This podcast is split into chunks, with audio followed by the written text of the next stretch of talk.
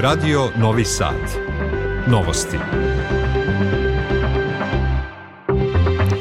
Dobar dan, ja sam Vesna Balta. Moje ime je Jadranka Mitić. Na početku novosti Vesti dana. Počela druga faza radova na Naučno-tehnološkom parku u Nišu. Konstitutivna sednica Skupštine grada Beograda odložena za 1. mart zbog nedostatka kvoruma. Produžen pritvor osumnjičenom za masovno ubistvo kod Mladenovca. Od jutros ponovo moguće platiti račune za struju na šalterima EPS-a u cijeloj zemlji. U novostima ćemo saznati šta donosi nova programska šema radio televizije Vojvodine. U Vojvodini sutra promenljivo, ponegde moguća kiša, temperatura do 14 stepeni. Toliko je sada i u Novom Sadu. U Nišu su počeli radovi na izgradnji nove zgrade Naučno-tehnološkog parka. Premijerka Ana Brnabić poručila je da je to važan projekat za Srbiju i da je deo plana Skok u budućnost Srbija 2027. Opširnije Dragana Cvetković. Nakon tri i po godine uspešnog rada, Naučno-tehnološki park u Nišu dobija novu zgradu. Takozvana druga faza izgradnje doneće Nišu i Srbiji dvostruko veći prostor za razvoj naprednih tehnologija, rekla je premijerka Ana Brnabić. Danas krećemo u izgradnju, uložit ćemo preko 20 miliona evra u Naučno-tehnološki park Niš u ovu dodatnu fazu, sa opremom verovatno i preko 25 miliona evra i zadatak nam je da ovo završimo do kraja oktobra 2025. godine. Finansiranje izgradnje i opremanja novog dela NTP-a Niš preuzela je vlada Srbije u saradnji sa Evropskom bankom za obnovu i razvoj. U NTP-u trenutno posluje 50 firmi u kojima je zaposleno 500 uglavnom mladih, visokoobrazovanih ljudi. Izgradnjom nove zgrade stvaraju se daleko veći kapaciteti, rekao je direktor NTP-a Milan Ranđelović. Utrostručit ćemo kapacitete i stvoriti uslove da na 15.000 kvadrata kancelarijskog i laboratorijskog prostora imamo preko 80 kompanija sa preko 1000 zaposlenih. Od juna 2020. godine, kada je otvoren NTP u Nišu, je udvostručio broj zaposlenih, utrostručio obim prihoda, a iz ove zgrade izašlo je 200 inovativnih proizvoda. Konstitutivna sednica Skupštine grada Beograda odložena je za 1. mart zbog nedostatka kvoruma. U sali nije bilo poslanika liste Aleksandar Vučić, Srbija ne sme da stane, Socijalističke partije Srbije i liste Mi, glas iz naroda. Lista Srbija protiv nasilja navodi da je reč o velikoj pobedi opozicije. Predsednik privremenog organa grada Beograda Aleksandar Šapić izjavio je da je razlog odlaganja i ostavljanja roka da se dođe do skupštinske većine. Ukoliko za ovih desetak dana ne dođe do jedinstvenog stava izborne liste Aleksandar Jerković, mi ljudi iz naroda, da idemo na te nove izbore, baš zbog toga što mislimo da je Beogradu neophodna i legalna, i legitimna, i stabilna vlast koja će da podrži sve izazove ispred kojih se Srbija bude našla i koja će apsolutno da nastavi sve ono što je rađeno u Beogradu i sve ono za što smo napravili ozbiljnu pripremu. U nastavku novosti Crna hronika. Protiv 48-godišnjeg BR, koji je uhapšen zbog sumnje da je sinoć počinio ubistvo bivše supruge njene majke u Rakovcu u opštini Beočin. Više puta su, kako nezvanično saznajemo, podnošene prijave za porodično nasilje. Trenutno je imao uslovnu kaznu od dve godine i zabranu prilaska bivšoj supruzi. On je sam pozvao policiju koja ga je zatekla u kući sa nožem za koji se smatra da je njime počinjeno ubistvo. BR-u je određeno zadržavanje do 48 sati i bit će priveden uz krivičnu prijavu u višem javnom tužiocu u Novom Sadu. Iz Rakovca izveštava Jovana Stupar. Meštani mirnog fruškogorskog mesta nadomak Beočina, Rakovca su u neverici. Kako kažu, to je malo mesto i svi se poznaju. Znaju da su postojali određeni problemi među bivšim supružnicima, ali ubistvo je sve ostavilo bez reči. Pa šta da kažem, tragedija je strašna, neviđena, Pa ja sam ljude poznavao onako iz viđenja, javim se kad prođem i tako, ali nisam nešto bio prisutan i prisan s njima, ne znam detalje, šta je tu sve prethodilo. To ne mogu da verujem, ne mogu da uopšte pomislim da komentarišemo to.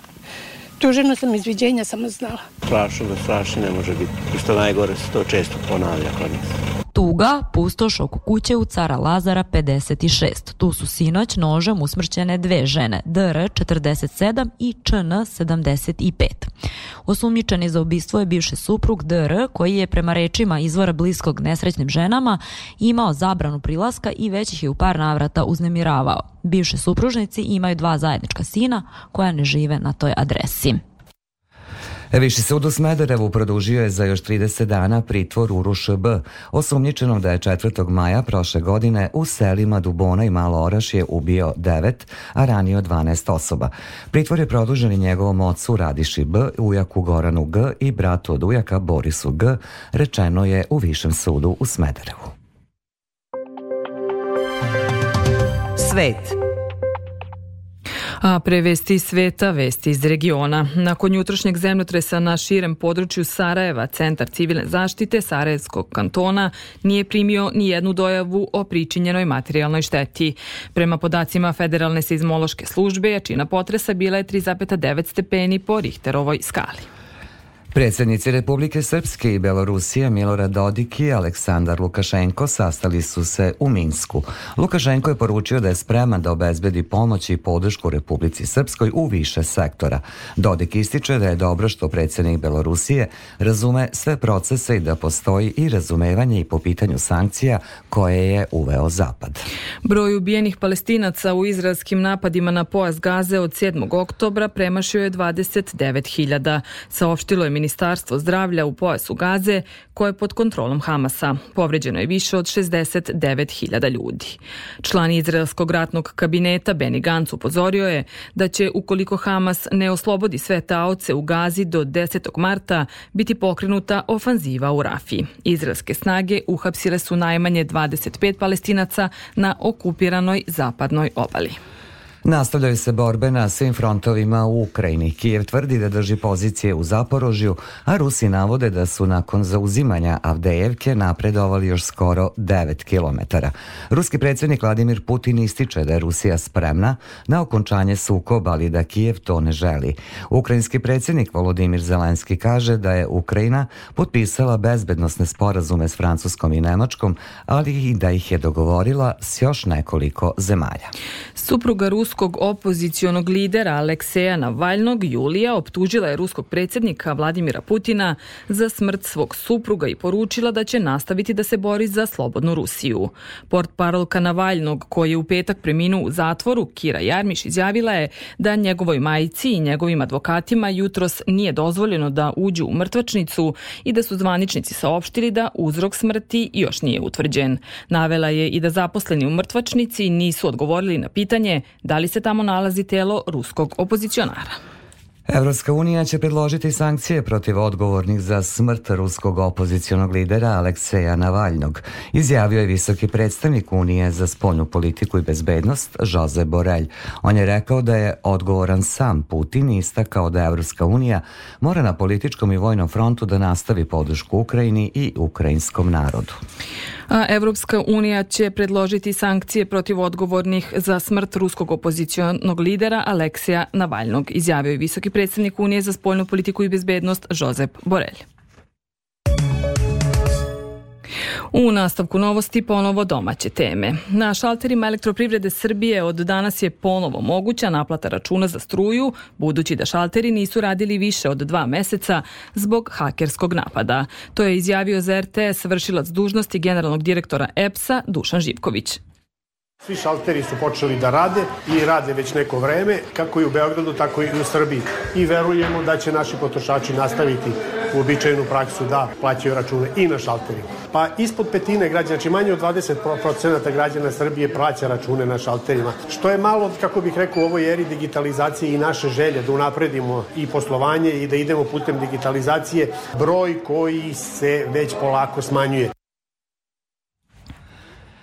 Ministarka zaštite životne sredine Irena Vujović obišla je radove na izgradnji kanalizacione mreže u naseljima Ogar i Brestač u opštini Pećinci, gde će realizacijom tog projekta biti rešen više decenijski problem građana, izveštava Aleksandar Krkobabić. U oba ova naselja će u ukupnoj dužini biti odrađeno 40 km kanalizacione mreže. Vidimo da na terenu ima puno radnika, da se intenzivno radi na mreži i ono što je najvažnije nakon završetka radova što je u novembru 2025. godine 1200 domaćinstava će biti priključeno na ove kanalizacije. Ministarku su u Brestaču kao i u naselju Ogar dočekali okupljeni meštani koji već dugo godina čekaju taj trenutak priključenja na kanalizacionu mrežu. Biće ono što je obećano, to će biti urađeno. Dobro će da nam dođe, priključit ćemo se odmah i jedva čekamo da se završi. Pa, naravno, jedva čekamo da se priključimo u tu kanalizaciju jer dobro bi nam došlo sve ovo što da, da se prikačimo na tu mrežu. Lepo vreme ide na ruku radnicima, tako da se radovi odvijaju po planu, a opština Pećinci, kao odgovorna opština, mora voditi računa i o upravo zaštiti životne sredine, na šta se stavlja poseban akcenat, izjavio je predsednik opštine Siniša Đokić. Završetkom ovih pet kanalizacijnih mreža, znači četiri koje radimo i peta koja je već sada za naseljeno mesto Deč, opština Pećinci će biti pokrivena skoro 70% kanalizacijnom mrežom. U narednom periodu na teritoriji opštine Pećinci odradit će se kanalizacija i u Deču u dužini od 14,5 km, za šta je izdvojeno 540 miliona dinara, a kada je u pitanju Ogar i Brestač, za izgradnju kanalizacione mreže izdvojeno je preko 600 miliona dinara. Naredne minute u novostima posvećujemo turizmu. Međunarodni sajam turizma u Beogradu, 45. po redu, biće održan od 22. do 25. februara na Beogradskom sajmu. Pod sloganom Avantura počinje ovde biće promovisane domaće i strane turističke destinacije i atrakcije. Zemlja partner ovogodišnjeg sajma turizma je Grčka, beleži Aleksandar Jovanović. Tokom četiri sajamska dana u srpskoj prestonici će se predstaviti više od 400 izlagača koji će na najbolji način predstaviti svoju turističku ponudu. Iako će i ove godine u fokusu biti domaće turističke destinacije, ni one udaljenije neće biti nedostižne. Državni sekretar u Ministarstvu turizma i omladine Uroš Kandić izdvaja one koje ne bi trebalo propustiti. Kambođa, Ekvador, Sveta Lucija, Libija i Šri Lanka. Takođe imamo i zemlje koje su prepoznale značaj našeg sajma pa se i vraćaju na njega. To je velika mnogoljudna Indonezija, zatim interesantna Kuba kao i e, afrička destinacija bitna, to je Sao Tome i Principe, kao što je rekao gospodin Zečević, sve e, sale će biti pune, o, biće ovo veoma ozbiljan događaj, možda i najznačajniji u ovom mesecu u našoj zemlji kada je u pitanju turizam e, svakako najznačajniji. Srbija će svoje turističke adute predstaviti u Hali 4 kroz nastupe Turističke organizacije Srbije, Turističke organizacije Beograda, kao i mnogobrojnih lokalnih i regionalnih turističkih organizacija. Najznačajnije izdvaja direktorka Turističke organizacije Srbije Marija Labović. Ono po čemu se još e, razlikuje ovaj sajam, a zašto je jako značajan, je što će ovo biti i prvi sajam u Beogradu, gde smo već zvanično domaćini Expa 2027, tako da će i značajan deo našeg predstavljanja biti usmeren upravo i kao ovoj manifestaciji, jer je bitno da e, koristimo svaku priliku u promociji kako bismo istakli e, ovu manifestaciju i privukli što veći broj i potencijalnih izlagača, a i gosti u te 27. godine u našu zemlju. Uporedo sa sajmom turizma biće održan 19. međunarodni sajam hotelsko-ugostiteljske opreme Horeka oprema. Radno vreme sajma je od 10 do 19 časova, dok će u nedelju sajamska vrata biti otvorena do 18 časova. U Srbiji je prošle sedmice potvrđen četvrti slučaj morbila i to kod obolelog iz Novog Sada, saopštio Institut za javno zdravlje Batut. Reč je o odrasloj osobi koja je vakcinisana jednom dozom vakcine. Iz Instituta za javno zdravlje Vojvodine poručuju da razloga za strah nema. Pripremila Davorka Jelena Draško. Preliminarni podaci od prošle godine pokazuju da je dodatnom imunizacijom koja je počela 2021. godine kada je registrovan najniži obuhvat vakcinisanih, imunološka situacija znatno popravljena, kaže primarius doktorka Svetlana Ilić, specijalista epidemiologije iz Instituta za javno zdravlje Vojvodine. Novi Sad ide malo sporije, kaže naravno zašto je u Novom Sadu situacija i prethodnih godina bila a, lošija nego u ostalim domovima zdravlja, odnosno u ostalim opštinama, ali a, prema preliminarnim podacima podacima mislim da smo u Novom Sadu postigli značajno poboljšanje. Prema trenutno, kažem, dostupnim podacima nije nam realno za očekivati da ćemo imati velike epidemije morbila u našem okrugu, pa ni u pokrajini. Ono što jeste realnije da ćemo registrovati porodične epidemije ili epidemije u manjim kolektivima. Od 7. februara na snazi su poštrene mere nadzora koje podrazumevaju pojačanu kontrolu dečijih zdravstvenih kartona. Osim dece koja nisu primila MMR vakcinu do druge godine, u najvećoj opasnosti od morbila su odrasli koji su vakcinisani samo jednom dozom te vakcine. Ako i niste vakcinisani, mi imamo uh, na raspolaganju mere da uh, ukoliko prepoznamo ljude koji su bili u kontaktu sa osobama koji su obolili od malih boginja, ako ih na vreme otkrijemo, a to vreme u ovom slučaju iznosi nekih 72 sata, uh, možemo da vas zaštitimo tako što ćete dobiti dozu MMR vakcine i na taj način ili sprečiti nastanak oboljevanja ili da klinička slika bude zaista blaža nego što bi inače bila bez te zaštite. Epidemiolog Svetlana Ilić naglašava da nijedan kožni osip ili promenu u sluzi koži usta, pogotovo ako su praćeni povišenom temperaturom, ne treba prepuštati slučaju, već se odmah treba javiti u prvu dežurnu ambulantu. Za vreme praznika saobraćajna policija otkrila je više od 19.000 saobraćajnih prekršaja, izjavio je major Aleksandar Radenković iz Uprave saobraćajne policije. On je naglasio i da će policija od danas pa do nedelje sprovoditi međunarodnu akciju pojačane kontrole saobraćaja koja će se istovremeno odvijati u 30 evropskih zemalja članica organizacije Roadpol. Akcija pojačane kontrole saobraćaja koja će biti usmerena na kontrolu autobusa i teretnih vozila jako bitna akcija imajući u vidu da nezgode sa učešćem autobusa i teretnih vozila uglavnom rezultiraju najtežim posledicama, tako da će biti pojačana kontrola pre svega ovih vrsta vozila i bit će usmerena na one deonice puteva gde je najintenzivniji saobraćaj autobusa i teretnih vozila. Možemo da napomenemo da je tokom uh, prošle godine u svega 7 dana tokom trajanja ovakvih akcija zabeleženo oko 6000 prekšaja teretnih vozila i oko 1000 prekšaja autobusa. U novoj programskoj šemi televizije Vojvodine ljubitelji domaćih serija od večeras mogu da gledaju dve serije, Vrata do vrata i Kalkanski krugovi. Izabrane epizode kultne emisije Petkazanje autora Bore Otića biće emitovane svakog jutra od 6 i 10, dok će jutarnji program počinjati u 7 sati. Uskoro nas očekuju i nekada popularni crtani filmovi Gustav i Lalinea. Za ljubitelje kvizova od večeras ponedeljkom u 8 emitujemo kviz Kocka, britanskog autora Adama Adlera, a pred takmičarima su izazovi koji testiraju njihove sposobnosti, najavio je generalni direktor radio televizije Vojvodine Goran Karadžić. To je BBC format koji je išao 10 sezona. Kad BBC nešto 10 sezona emituje, onda znate da je to ozbiljan kvalitet. Da. To je više igra a, spretnosti, smeštena u 60 minuta, a, gde takmičar ulazi u jednu providnu kocku, mogli su to naši gledalci da vide u promovima, uh -huh.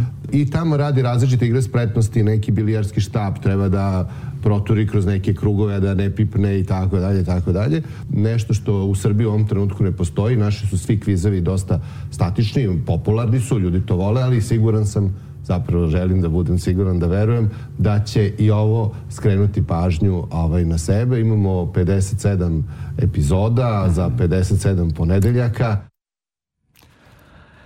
Film Kristofera Nolana, Oppenheimer, zabeležio je najveći uspeh na dodeli filmskih nagrada BAFTA u Londonu, odnevši pobedu u sedam kategorija, uključujući priznanje za najbolji film, najbolje glumca i najbolju režiju. Film Jadna stvorenja Jorgosa Lantimosa dobio je pet priznanja, uključujući i nagradu za najbolju glumicu koja je pripala Emmy Stone. Drama na nemačkom jeziku Zona interesa Jonathana Glazera osvojila je tri BAFTA nagrade. Sport.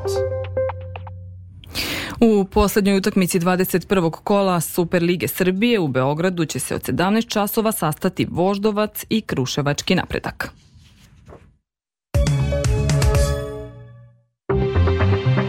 Pred kraj novosti još jednom podsjećanje na vesti dana. Počela druga faza radova na Naučno-tehnološkom parku u Nišu. Konstitutivna sednica Skupštine grada Beograda odložena za 1. mart zbog nedostatka kvoruma. Produžen pritvor osumnjičenom za masovno ubistvo kod Mladenovca. Od jutros ponovo moguće platiti račune za struju na šalterima EPS-a u celoj zemlji. U novostima smo saznali šta donosi nova programska šema Televizije Vojvodine. Kada je vremenu reč u Vojvodini, do kraja dana moguća kiša. Sledi opširnija prognoza. U Vojvodini utorak ujutro prestana kiša i razvedravanje. Prepodne pretežno sunčano, a od sredine dana umereno i potpuno oblačno, ponegde sa kratkosrednom kišom ili pljuskom. Duveće slab do umeren severozapadni vetar. Najniža temperatura od 2 na severu do 6 na jugu pokrajine, a najviše dnevno od 12 do 14 stepeni. U Vojvodini promenjivo oblačno, četvrtka i osetno toplije uz povećanje južnog i jugoistočnog vetra, koji će na jugu Banata povremeno dostizati i olujne udare. Padavine se očekuje za vikend. Sa Radio Novi Sad, meteorolog Miodrag Stojanović. Slušali ste novosti prvog programa radija Radio Televizije Vojvodine. Novosti tonski realizovao Goran Mavić, producentkinja Branislava Stefanović. Novosti uredila i vodila Vesna Balta, moje ime je Jadranka Mitić. Ostanite uz naš program od 15 časova i 30 minuta sledi emisija Radio Sport. Hvala na pažnji i prijatan ostatak dana.